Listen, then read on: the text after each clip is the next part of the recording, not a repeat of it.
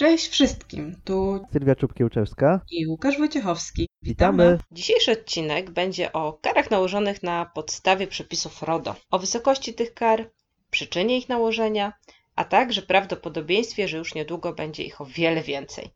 Zagadnienie zostanie omówione na przykładzie trzech kar nałożonych przez prezesa UODO. Odpowiednio milion złotych dla prywatnej firmy za niedopełnienie obowiązków informacyjnych wymaganych RODO, kilkadziesiąt tysięcy złotych dla Związku Piłki Nożnej za zamieszczenie na stronie internetowej danych osobowych sędziów i nieusunięcie ich pomimo nakazu urzędu, a także największej dotychczasowej karze, czyli 3 milionach złotych dla grupy Morele.net za niezapewnienie właściwej ochrony danych klientów, na skutek której doszło do kradzieży danych ponad 2 milionów użytkowników. Temat omówią dr Łukasz Wojciechowski, specjalista od cyberbezpieczeństwa, wykładowca Wyższej Szkoły Ekonomii i Innowacji w Lublinie, ekspert od ochrony danych osobowych prowadzący bloga statuo.pl oraz Sylwia Czubkiełczewska, ekspert w dziedzinie ochrony danych osobowych, szkoleniowiec, audytor prowadząca bloga Sylwia Czub bloguje o danych osobowych. Łukasz, chciałam z Tobą na początku porozmawiać o karach nałożonych z RODO. No to trudny temat wybrałaś na początek. Wyszło z założenia, tak jak w tej piosence, gdy emocje już opadną, jak po wielkiej bitwie kurz, to można o tym porozmawiać. Myślisz, że już opadły? Myślę, że opadły. Myślę, że opadły. Przynajmniej jeżeli chodzi o pierwszą karę z RODO. Pierwszą karę z RODO mam oczywiście na myśli ten milion złotych za niedopełnienie... Obowiązek informacyjny. Dokładnie tak. I powiedz mi Łukasz, z Twojego punktu widzenia, było ogłoszenie tak, tej kary, prezes UODO wyszła, wiesz, na podium i powiedziała, informujemy o nałożeniu pierwszej kary, milion złotych za niedopełnienie obowiązków informacyjnych. To jak ty to odebrałeś i jak twoje środowisko to odebrało? Jak byście to przyjęli? Wiesz co, powiem ci, że kiedy usłyszałem o tej karze, to naprawdę byłem może nie w szoku, ale bardzo, bardzo zaskoczony i zobaczyłem ten komunikat, to była taka konferencja, nie wiem czy pamiętasz, chyba dwie osoby, pani prezes z jednym z dyrektorów, tak, wy, wy, występowali, to zupełnie nie rozumiałem o co chodzi, co tak naprawdę się stało, ale jeszcze myślę, że nikt nie rozumiał o co chodzi, zaczęły się do mnie telefony e, w sprawie obowiązku informacyjnego, wszyscy zaczęli się obawiać, żeby oni nie byli następni z tą karą, na, nawet jakby firmy czy instytucje, które bardzo dobrze ten obowiązek wypełniały. Taka dezinformacja się zrobiła wtedy. Mhm. E, Mam takie wrażenie, że oni powinni zainwestować w dobrego marketingowca, żeby jak nakładają te kary, żeby jakoś lepiej o tym informować, bo to, Mhm. to było, na pewno położyli to całkowicie. Wydaje mi się, więcej złego z tej kary wyszło pod tym względem takim informowania ludzi niż, niż dobrego. E, Takie moje pierwsze Mhm. wrażenie. Mhm. Natomiast powiem Ci też, że współpracuję To, z... wiesz co, to, przepraszam, Mhm. tak ci słowo, bo to jest bardzo ciekawe, że do ciebie dzwonili klienci i prosili o to, żebyś im pomógł z obowiązkami informacyjnymi, a ja po prostu miałam gorący telefon od moich znajomych inspektorów ochrony danych, którzy mówili, ta praca już nie ma sensu. Czy ty widziałaś? Oni zwariowali. Zwątpienie, zwątpienie. Tak, ale powiem Ci, że ja sama miałam zwątpienie, naprawdę. To był e, w tym roku jeden z najcięższych dni, kiedy po prostu, wiesz, zobaczyłam tę konferencję. W zasadzie, tak jak mówisz, informacja była żadna i oni chyba nawet nie powiedzieli niewypełnienie, tylko że za nieprawidłowe wypełnienie, jeżeli dobrze pamiętam. Chyba takie sformułowanie padło. Bardzo możliwe, bardzo możliwe. I wiesz, ja sobie myślę, Jezu, czyli co, jeżeli ja źle napiszę obowiązek informacyjny, to oni mogą mi milion złotych dać? Wiesz, w ogóle, to jaki jest sens w ogóle cokolwiek robić? Jaki klient będzie chciał ze mną współpracować, jeżeli za takie drobnostki może dostać kary? I w ogóle, jaka może być moja odpowiedzialność, nie? Jako inspektora. Właśnie o to chodzi. Pomyśl sobie, ile obowiązków informacyjnych napisałaś i teraz idź spać i wiesz, leć Ale dokładnie tak. zastanawiaj się, co, to, co, co tam pisałaś, czy przypadkiem któryś nie był robiony, jak byłaś zmęczona, czy jak byłaś w pociągu. Odpowiedzialność potworna. O, o to chodzi, też o tym myślałem. Ale wiesz co, ty w ogóle bardzo delikatnie do tego podchodzisz, bo tam już o, byłeś zmęczona albo na szybko. Natomiast wiesz, popatrz na obowiązki informacyjne też od strony tego, jaka jest dezinformacja. E, Nie wiem, czy zaglądasz czasami na forum inspektorów, na Facebooku na przykład. Staram się jak najrzadziej, ale zdarza mi się... Właśnie, dlaczego jak najrzadziej? Bo okazuje się, że tam dzielą włos sporo. I najbardziej Dokładnie. oczywiste rzeczy okazują się nieoczywiste. I podobnie przy obowiązku informacyjnym. Ja powiem Ci, że po prostu tyle razy się kłóciłam o to, jak ma wyglądać obowiązek informacyjny. Czy ma być w punktach, czy nie ma być w punktach. Bo jeden inspektor kiedyś twierdził, że jak nie jest w punktach, to on jest nieważny. Jaka ma być kolejność informacji? Bo też usłyszałam, że jeżeli nie jest taka jak w artykule 13 lub 14 RODO, to to jest nieważne. Że po prostu wiesz, te wszystkie myśli, tak, o tym, jak bardzo to jest uznaniowe, jak bardzo UODO się też potrafi przyczepić, nie, do tych obowiązków, że tutaj nie wskazałeś wszystkich odbiorców, bo są jeszcze potencjalni odbiorcy danych, prawda? To, to wszystko... tak, ale, ale też zobacz, jak oni, y, nie, wie, nie wiem jak teraz, ostatnio nie zaglądałem, ale jaki mieli obowiązek informacyjny na swojej stronie. I czy przypadkiem sami na siebie nie powinni nałożyć za ten obowiązek kary. Ale to tak, bo... dokładnie, to też było, dokładnie, to też była moja pierwsza myśl, zresztą nie wiem, czy pamiętasz, że ja prowadziłam zajęcia ze studentami na tym obowiązku informacyjnym właśnie starym, który Pewnie, pamiętam, zajęcia, szkolenia, no. bardzo dobry taki był case tego, bo tam, no, na, nawet początkujący, prawda, jak mieli pierwsze zajęcia o obowiązku informacyjnym, trochę im tam wyłożyłaś teorii, no to natychmiast odnajdowali pierwsze błędy, bardzo szybko. Ale w ogóle to było świetne, bo oni nie wiedzieli, czy obowiązek sprawdzają, sprawdzali go i mówili, Boże, to jest jakiejś instytucji publicznej i oni się nie wstydzą mieć to na mhm. stronie. E, no ale, tak ale to, to, co akurat w urzędzie lubię, że oni się uczą, zresztą e, też bardzo są kontaktowi, jak im się zwróciło uwagę, no to to poprawili. Ale tak jak mówisz, no jeżeli kurczę pod latarią na ciemnie, a tutaj kara za niewłaściwe wypełnienie obowiązków informacyjnych, to chyba coś jest nie tak. Tak, miałem takie wrażenie i wydaje mi się, że no, to był taki moment, kiedy już powoli e, pani prezes kończyła, kończyła swoją kadencję, odchodziła, mhm. jakby tak ona zasłynie w tych powiedzmy podręcznikach ochrony danych osobowych jako ta, która tą pierwszą karę no tak. nałożyła po, po, po reformie. Natomiast e, być może oni chcieli dobrze. Ja nie mówię, że to, że to była jakaś totalna głupota czy bezsens, natomiast powinni to wytłumaczyć. Też zwróć uwagę wysokość tej kary. Dlaczego milion, a dlaczego nie dwa albo 500 tysięcy. I to jest jakaś tam firma taka i taka, która ma roczny budżet taki i taki, straty oceniamy na tyle w związku z tym, co zrobili i jakby na tej podstawie mi tego bardzo zabrakło, więc e, po pierwsze ta dezinformacja, po drugie brak już nawet później doprecyzowania pewnych rzeczy, no to, to, to, to było słabe. Wydaje mi się, że więcej tutaj złego wywołała ta kara niż, niż dobrego. E, znaczy, tak może nie kara. Czasu. Może wiesz, to może nie kara, tylko sposób, w jaki oni poinformowali o karze tak, y, ale wiesz, już jakby patrzę na ten proces całościowo, coś tam Jasne. się wydarzyło, była konferencja, to, to, powinno być bardzo dobrze zrobione dla nas, ludzi z branży, no nie oszukujmy się. Takie, takie sytuacje są o tyle korzystne, chociaż mówisz, że u twoich tam ludzi, znajomych, y, klientów zwątpienie. Dla mnie to było tak, że każdy przemyślał swój obowiązek informacyjny i chciał się mnie poradzić. Każda kara zresztą to jest taki, taki impuls do tego, żeby sobie przypomnieć o mhm. ochronie danych. No tak. Myślę, że tutaj wydaje mi się, że no, poza tym, że ktoś tam na tym skorzystał, to też e, dużo, dużo złego to, to, to sprawiło. Tak, tak, mi się wydaje. No wiesz to ja też mam wrażenie, że jednak oni uczą się na błędach, bo kiedy nałożyli teraz tę ostatnią karę na Morela, to od razu opublikowali swoją decyzję administracyjną. Nie wiem, czy pamiętasz, jak to było przy tej informacji, że mm, w momencie, kiedy oni poinformowali o tej milionowej karze, to tak, było dużo komentarzy. Oczywiście dr Kowecki na pierwszym planie, który zawsze wszystko komentuje jako pierwszy, ale też wielu tak. adwokatów wie, że to jest w ogóle niepoważne, są, że są ważniejsze tematy, że to jest sygnał, jaką ma politykę Urząd Ochrony Danych i e, te wszystkie komentarze tak naprawdę przyćmiły informację dotyczącą tego, dlaczego ta kara została nałożona, którą oni opublikowali e, w swojej decyzji administracyjnej administracyjnej. Zresztą nie wiem, jak ty, ja z tą decyzją zapoznałam dopiero kilka dni później, kiedy już zdążyłam naprawdę przetrawić te informacje tak mega negatywnie. U mnie tak samo, wiesz co, mhm. identycznie było. Najpierw wysłuchałem komentarzy, jaki to absurd, jakie to zło w czystej postaci, dopiero potem jakby zacząłem się dowiadywać, co tak naprawdę się stało. Nawet padły komentarze, że być może tutaj UODO coś miało przeciwko tej konkretnej firmie, no nie? Że akurat, wiesz, tutaj był taki plan, że muszą na nich nałożyć karę. To też tak słyszałam, że, że bo nie wiem, czy pamiętasz, pani prezes, na tej konferencji, ona była taka strasznie zdenerwowana. Jak ona mówiła, to wiesz, głos jej się łamał, tak trzęsła się, nie wiem, czy z zimna, czy z nerwów. W każdym razie odbiór Pamiętam, tego, tak. no właśnie, i moi znajomi dzwoni i mówi, słuchaj, ona wygląda jakby ktoś jej kazał to powiedzieć. Ona wygląda tak, jakby ktoś jej kazał nałożyć tą karę. Taki był odbiór, wiesz, w mojej branży, wśród moich znajomych, którzy, wiesz, pracują e, w branży.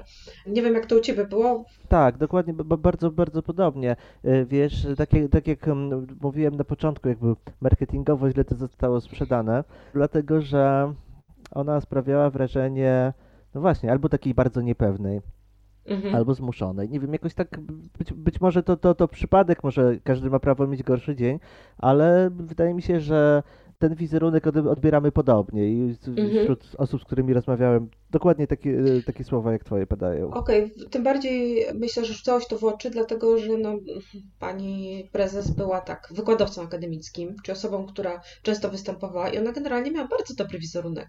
Miała piękne zdjęcia na stronie, brała udział w różnych wydarzeniach, zawsze robiła dobre wrażenie, więc to była taka kontra, nie? Do tego, jak my ją znaliśmy i jak my ją odbieraliśmy, a jak nagle ona została przez nas odebrana podczas tej konferencji prasowej, kiedy była taka wystraszona. Prawda? Tak, tak. Pierwszy raz ją tego widziałem, zwłaszcza, że jest trochę nagrań, kiedy ona występuje i ten, ten jakby wizerunek jest zupełnie taki bardziej swobodny, prawda? Mhm, tak. Normalnie mówi o tych rzeczach i y, z pewnością, z taką pewnością siebie, że, że, że zna się na tym. Tak, tak, dokładnie. No, bardzo dobre wrażenie generalnie robiła przed kamerami. Ale, ale myślę, że czegoś się nauczyli, dlatego że teraz, kiedy informowali o nowej karze dla Morele, od razu została opublikowana decyzja administracyjna. Czyli od razu, kiedy dowiedziałeś się, że Morele dostało karę, co w sumie już od dawna było wyczekiwane, jak się zakończy ta sprawa Morele, bo oni zaczęli postępowanie w styczniu. Nie wiem, czy wiesz, w styczniu tego roku. Karę przecież ogłosili dopiero we wrześniu, czyli to strasznie długo trwało. Już ja przez moment myślałam, że może im odpuszczą.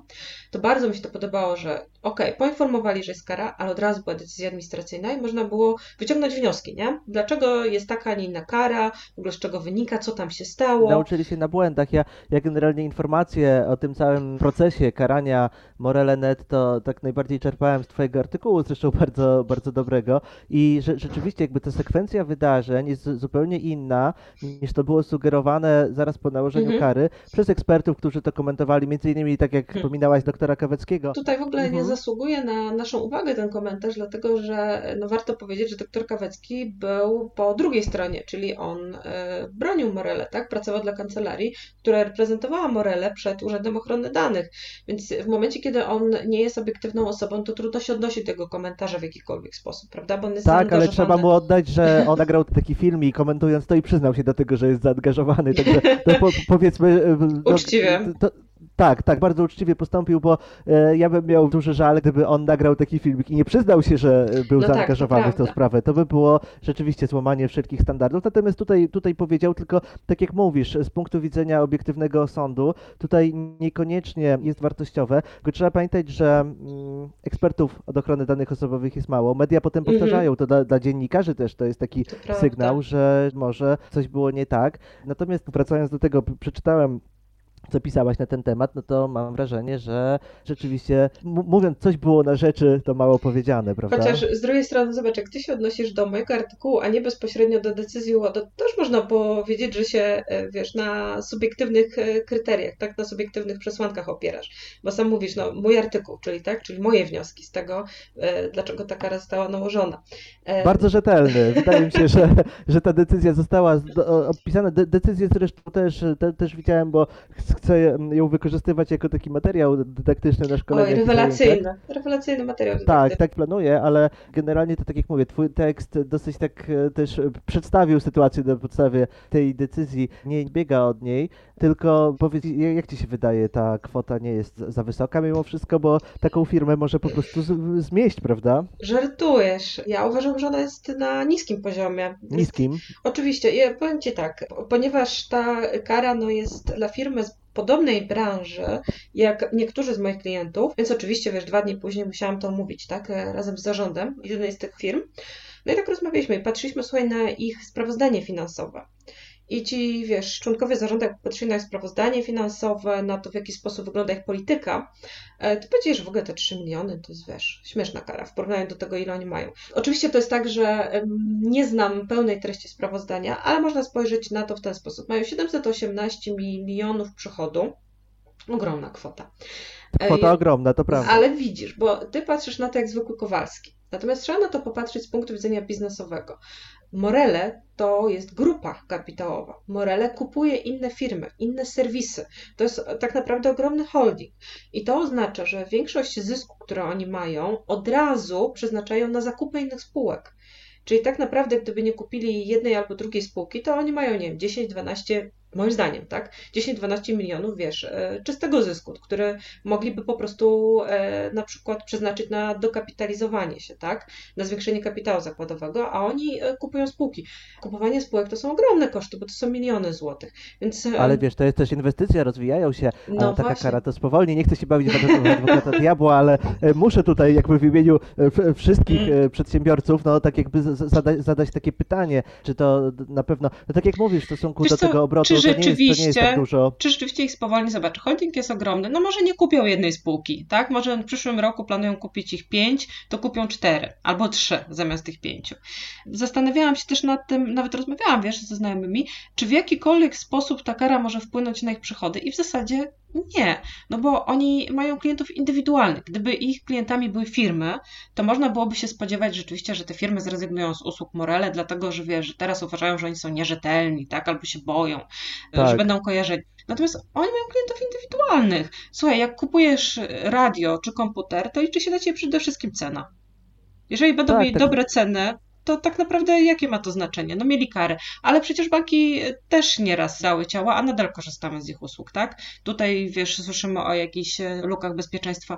Nie wiem, czy pamiętasz, rok czy dwa lata temu był taki test aplikacji mobilnych, niezależny, aplikacji mobilnych bankowych i jeżeli dobrze pamiętam, Był, pamiętam. to Mhm. chyba ani jedna aplikacja mobilna nie przeszła tych testów pozytywnie. Tak, chociaż były tam duże rozbieżności wśród tych aplikacji, też może nie wymieniajmy Nie, nie, nas, nie. chociaż coś mi w głowie tam świta, ale rzeczywiście żadna nie była idealna. To No pamiętam właśnie. doskonale. I czy to sprawiło, że przestaliśmy korzystać z aplikacji mobilnych? Nie, absolutnie. No, ja mam dwie aplikacje mobilne banku na swoim telefonie, nie wiem jak ty. Ja tylko jedną, ale też e, korzystam regularnie. Wiesz co, też wydaje mi się, że akurat e, w tej branży, tak jak mówisz, klienci indywidualni i na pewno jest tak, że jeżeli chcesz określony model lodówki czy kuchenki, to najczęściej klient e, wyszuka sobie, w którym sklepie jest najtaniej i tam go kupi, więc to raczej nie powinno pod tym względem zaszkodzić. Mhm. Chociaż te, tak jak mówię, wydaje mi się, że ta kwota i tak jest obiektywnie, obiektywnie wysoka. Oczywiście, jeżeli mamy dobrą koniunkturę, tak jak teraz, to te, taka firma z tej branży sobie poradzi, ale wydaje mi się, że gdyby zaczęło trochę dołować i jakby ta sprzedaż Mhm. sprzętu obiektywnie by spadła, mogłoby być różnie, chociaż e, też kwota robi wrażenie i na pewno będzie taką przestrogą, a taki jest też cel kary, prawda, bo jakby dawali e, 10 tysięcy takiej firmie jak Morele.net, no to okazałoby się, że e, nikt by nie zwracał uwagi, wolałby zapłacić tą karę i dać sobie spokój, tak jak Mhm. zresztą było kiedyś przed reformą, prawda? No tak. Kary były żenująco niskie, że żaden prezes się w ogóle tym e, w żaden sposób nie przejmował. Dokładnie. Znaczy wiesz co, tak jeszcze patrzę, bo tak robiłam przeliczenie. To jest 2 miliony 800 tysięcy złotych, co stanowi 4 promile ich przychodu, czyli niecały procent. Tak, tylko wiesz, ja, ja bardziej E, niż na przykład ale- patrzyłem na dochód, chociaż oczywiście wiadomo Ale wiesz, to nie można w ten sposób patrzeć, bo też zwróćmy, no tak jak mówię, zwróćmy uwagę na ich politykę inwestycyjną. Ale dobra, omijając to, bo to możemy sobie dywagować. Oni, dla nich na pewno każda kara jest bolesna. Natomiast pamiętajmy też o tym, że oni tego nie zapłacą od razu. Oni teraz odwołują się do sądu. Zanim spra- to może potrwać kilka lat nawet. zdążą, To... zdążą sobie zrobić rezerwę na tę karę, nawet jeżeli musieliby ją zapłacić. Tak, ciekawy też jestem, jaka będzie linia orzecznicza przy karach, no bo sprawa w sądzie jest również... Tej pierwszej tą- kary. Tak, Mhm. z tą pierwszą karą, o której rozmawialiśmy. I podejrzewam, że jeden ze związków piłki nożnej, który też otrzymał tą trzecią karę, też, je- jeżeli jeszcze sprawa nie jest w sądzie, to ona będzie, chociaż ta kwota jest nieporównywalnie niższa, prawda? Ale powiem Ci szczerze, że przypuszczam, że właśnie dla tego związku ta kara jest najbardziej bolesna. Bo w pozostałych dwóch przypadkach mamy do czynienia z, wiesz, ze zwykłymi przedsiębiorcami, którzy mogą osiągnąć przychody. W obu przypadkach możemy zakładać, że oni będą w stanie zapłacić te kary. Natomiast ten związek mocno mnie zastanawia, wiesz, bo no, nie wiem tak naprawdę, jakie jest źródło finansowania związku. Przyznam szczerze, że e, nie e, śledziłam tego zbyt dokładnie, może ty się bardziej orientujesz. Ja też nie wiem, chociaż jakbym miał strzelać, wydaje mi się, że ten związek ogólnopolski być może jakoś dotuje te regionalne związki, bo w każdym województwie jest taki związek. Może Mhm. mają jakieś inne dotacje, mo- może z Ministerstwa Sportu, może samorządowe, ale e, Ale nie brzmi to, wiesz co, nie brzmi to tego. dobrze. Dobrze. Poza tym pamiętaj, że jeżeli dostali jakieś dotacje, to wątpię, czy z takich pieniędzy można karę zapłacić. Właśnie, o to chodzi, że... że Bo ona jest celowa najczęściej. Tego, e, oczywiście, że tak. E, I też trudno sobie wyobrazić, żeby na przykład jakiś tam drużyna trampkarzy, jakichś młodych chłopców nie mogła zagrać na jakimś turnieju, no bo właśnie. musieli zapłacić karę do e, Urzędu Ochrony Danych Osobowych. To by było też takie bardzo no, niemoralne, takie, no, to trudno mi to sobie wyobrazić. A w ogóle wiesz, powiedzmy bardziej o tej karze, bo tak, e, jeżeli chodzi o pierwszą karę, i o drugą, to mniej więcej ludzie wiedzą, chociaż może też chwilę powiemy o tym, dlaczego tak wyszło. Natomiast Dolnośląski Związek Piłki Nożnej. Pamiętasz, dlaczego oni dostali karę? Co takiego się stało? Oni dostali karę, dlatego że na stronie internetowej zamieścili dane osobowe sędziów i te dane to nie było tylko imię i nazwisko, ale też między innymi e, adresy i numery PESEL. Czyli troszkę za bardzo popłynęli, tak? Jeśli chodzi o wypełnianie swoich Oj, obowiązków. wiesz, łagodna jesteś dla tego związku, chyba lubisz piłkę nożną, bo to, że popłynęli, to mało powiedziane. Rzeczywiście, no, na, ja na miejscu tych sędziów również dochodziłbym też na, na drodze cywilnej swoich praw, bo wiesz, poszły, poszły dane, -hmm. nie mhm. wiadomo dlaczego. Pamiętaj, ja też nie wiem dokładnie, nie śledziłem tej sprawy, o jakich sędziów chodzi, ale wyobraź sobie, wiesz że co, je, jedzie sędziować jakiś Dużo mecz. ich było, bardzo ich dużo było, e, z tego co pamiętam. Mm, to nie, nie była kwestia, wiesz, jednej osoby, tylko tam co najmniej kilkudziesięciu, e, a w ogóle zaczęło się od tego, że jeden z nich się poskarżył, czyli wysłał skargę do łodo łodo zbadało sprawę, nakazało związkowi usunięcie danych, wszystko pozamiatane, wszyscy zadowoleni, po czym skarga wpływa ponownie, bo sędzia mówił, rzeczywiście dane zniknęły, ale są ponownie na stronie. Kojarzysz to, tak, czy nie? Tak, no. tak, kojarzę to, że one były usunięte, jak to zostało określone, nieskutecznie. A co to znaczy nieskutecznie? Że, że jednak tam były, prawda? Znaczy, Więc... prosta y, sprawa, wiesz, moim zdaniem. Usunęli, później strona się, wiesz, zepsuła, rzadko robili backupy, przywrócili backup sprzed, wiesz, trzech miesięcy i dane wróciły, nikt tego nie sprawdził, nie? Tak, to mogła być też, wiesz, instytucja i strona zarządzana w taki sposób bardzo prosty, że tak powiem, nie powiedzieć już mm -hmm. nie dzisiejszy, prawda? No więc, tak. E, więc wcale Ale nie wiesz, to mógł tam jest podmiot przetwarzający. To jest też bardzo interesujące, bo wiesz, tam jest podmiot przetwarzający. I też Łodo zwróciło uwagę na to, że okej, okay, mogłeś wziąć sobie podmiot przetwarzający i możesz chcieć przerzucić na niego odpowiedzialność, ale ja najpierw nakładam karę na ciebie, a później ty dochodzisz roszczeń od swojego podwykonawcy. Tak, walcz w sądzie, prawda? Jeżeli, no. a, a, a, to, a to znowu znowu oni będą musieli zapłacić i e, potem będą dochodzić. Chyba, chociaż tak rozmawiamy, ta sprawa pewnie też trafi do sądu, bo to przy takiej kwocie opłaca się zawsze, zawsze próbować, prawda? Te mhm. koszty sądowe są znacznie niższe niż ta kara. Ale wiesz co, jeszcze no, powiem mhm. Ci taką rzecz, y, albo Cię zapytam, jak Ty sobie wyobrażałaś w ogóle kary, kiedy przeczytałaś pierwszy raz RODO? Ty myślałaś, że to będą takie spektakularne, głośne Nie. sprawy? Ja myślałem, że to będzie jak Państwowa Inspekcja w Pracy. Wpada do jakiejś firmy, są jakieś drobne nieprawidłowości, daje 1000, 2, Dokładnie. 5, 10. Tak sobie to wyobrażałem i że to będzie większa skala. No bo teraz wydaje mi się, że jakby ja ze swojego życia widzę bardzo dużo instytucji, firm, na które też można by nałożyć taką karę. I teraz pytanie, dlaczego akurat oni, dlaczego ten związek, dlaczego ta firma od obowiązku informacyjnego i dlaczego Morele? No powiedzmy, Morele to taka grubsza sprawa, tutaj się zgodzimy, prawda? Że tutaj. Wiesz co, może warto głębiej... powiedzieć, warto powiedzieć jeszcze o Morele, bo tak e, mało kto na to zwrócił uwagę, bo e, to jest wielopłaszczyznowa sprawa, bo tak, jedna rzecz to jest to, że ktoś im się włamał do systemu, oni tego nie zauważyli, wykradł im dane, mówi im mam wasze dane, oni mówią niemożliwe, no to on publikuje te dane, oni dalej mówią niemożliwe, że to od nas i cały czas się zapierają, nie, że to jest nie tak. ich.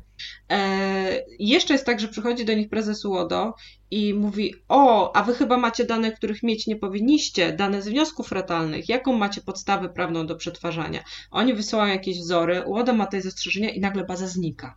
Tak, tak, tak. To, więc ewidentnie lecieli w kulki z urzędem. Powiedzmy, nie, nie, niewłaściwe, ale no... Ja no, powiem no, tak, zabrakło w tej organizacji e, kogoś, kto by nad tym zapanował. Bo ja sobie wyobrażam to tak, że ktoś po prostu powiedział, słuchajcie, jak jest ten problem, to to usuńmy. Ja, wiesz, nie widzę tutaj jakiejś złej mocy e, pana, wiesz, w czarnym płaszczu, który mówi, e, działamy niezgodnie z prawem, nie? Tylko myślę sobie, po prostu jakiś człowiek powiedział, słuchajcie, jest ten problem, usuńmy, nie będzie problemu, tak? A się okazało... Ale, ale Sylwia, zobacz jeszcze, zobacz jeszcze jedną rzecz. W każdej z tych, trzech spraw, o których Mhm. rozmawiamy, było tak, że urząd coś nakazywał i oni tak naprawdę tego nie robili, albo Tak. nieudolnie to robili. Więc kara tutaj nie, nie tyle jest nałożona, zresztą ja sobie wyobrażałem, że te kary będą nakładane tak trochę szybciej, mniej, mniejsze kwoty, prawda? A tutaj Mhm. mamy do czynienia z tym, że ktoś, e, no może już odejdźmy od tego lecenia w kurki, ale ktoś po prostu pogrywał sobie z, ty, z tym urzędem i wydaje mi się, bo wiesz, też Mhm. może warto, warto powiedzieć, co zrobić, żeby kary nie dostać. I tutaj e, kojarzy mi się to bardzo z programem Kuchenne Rewolucje Magdy Gessler. Z, z, obejrzałem kilka odcinków i wydaje mi się, że kto się pani Magdzie podporządkował, wprowadził dokładnie te wskazówki tak, jak ona sobie Mhm. życzyła, to ta rewolucja wychodziła. Jeżeli ktoś próbował pogrywać, to rewolucja nie wychodziła. Tutaj jest podobnie. Kto się Mhm. podporządkuje decyzjom, zaleceniom prezesa Urzędu Ochrony Danych Osobowych, wydaje mi się, że ma duże szanse, żeby tej kary uniknąć. Natomiast jeżeli zaczynają się te kombinacje, to sprawa Mhm. Morele w tych relacjach medialnych doktora Kaweckiego, artykułach na różnych portalach zabrakło tego, no bo oni mówili tak.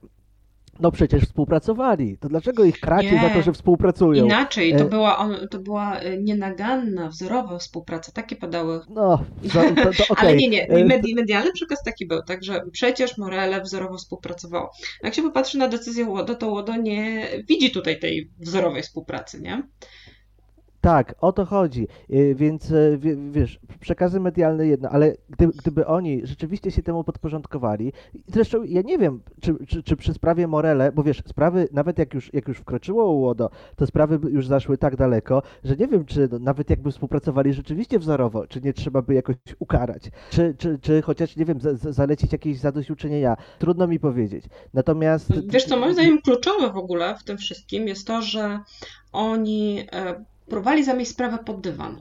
Bo ja, e, wiesz, analizując to, co się działo, doniesienia medialne, to, co pisała trzecia strona, niebezpiecznik, bo oni się bardzo zaangażowali w ten temat, miałam wrażenie, że oni za wszelką cenę chcieli udawać, że nie ma problemu. Bo zobacz, że od momentu, kiedy to się stało, do momentu, kiedy powiadomili ludzi o naruszeniu, minął ponad miesiąc. I wiesz, najśmieszniejsze jest to, że ludzie, których oni powiadomili, w ogóle nie mają pojęcia, jakie są konsekwencje. Ja u swoich klientów, u swoich, do swoich znajomych także e, zrobiłam, wiesz, mailingi, gdzie pisałam, słuchajcie, jeżeli byliście klientami I stosowaliście swój e-mail jako login i swoje hasło, standardowe hasło, jako hasło do Morela, to musicie niezwłocznie zmienić to hasło do wszystkich innych serwisów, łącznie z, po, z pocztą, z których korzystacie. Bo właśnie ktoś wszedł w posiadanie tych danych i może je wykorzystać, tak? Chociażby logując się na waszą pocztę i podszywając pod was, prosząc znajomych o pieniądze. Bo- Ja sam byłem klientem Morele i dostawałem od nich, od nich e, wiadomość mailową. Tak jak rozmawialiśmy przed nagraniem, akurat ja do, do, do tego, tego typu zakupów wykorzystuję taką skrzynkę, na której jest zupełnie inny adres mailowy i która Spamerska jakby- skrzynka. tak, tak zwana spamerska skrzynka, co też możemy zalecić wszystkim, Mhm. że, że to, to może być dobry pomysł. Natomiast rzeczywiście, jak otrzymałem od nich wiadomość, to miałem wrażenie, że to jest jakaś błaha sprawa wręcz, że no, profesjonalna firma, że chociaż Mhm. nic się nie wydarzyło, to oni, wiesz, informują. E, A pierwszy komunikat w ogóle był taki, że oni nic z tym nie mają wspólnego, nie wiem czy pamiętasz. E, O, już tak e, akurat jako klient nie pamiętam, później, później czytałem, że rzeczywiście tak, że oni, nie- dość, że nic się nie stało, To to jeszcze nie my. Nie mamy tak, pańskiego płaszcza i co pan nam zrobi, a w ogóle to nie Tak, nasza szatnia. Dokładnie, albo że no, dach prawie nie przeciekał i prawie nie padało, prawda? Więc ja, ja ci powiem tak, że rzeczywiście jak się tą całą historię, no już teraz czyta o niej, czy obserwuje y, z dystansu, to no, tak jak mówiliśmy, coś było na rzeczy i tutaj Mhm. trudno powiedzieć, że zły urząd za to, że ktoś współpracował z nim wzorowo, nałożył wielomilionową karę. Znaczy, Nie, e, tak, nie e, kupuję tego. Ja też nie. Reasumując to, co powiedziałeś, tak naprawdę możemy powiedzieć, że Urząd Ochrony Danych Osobowych bardzo racjonalną ma politykę, bo oni przede wszystkim nakazują. Oni wspierają administratorów. Jak się popatrzy na decyzje administracyjne, to jest nakaz zrobienia tego, nakaz zrobienia tamtego, tak? Natomiast kary to już jest recydywa. Trzy kary. Zresztą e, ja Ci wysyłałam linka, można sobie śledzić e, na stronie internetowej, takiej specjalnej, informacje o karach pieniężnych nakładanych przez inne europejskie organy. To słuchaj, na dzień dzisiejszy jest ich 84 przez wszystkie europejskie organy. To nie jest dużo.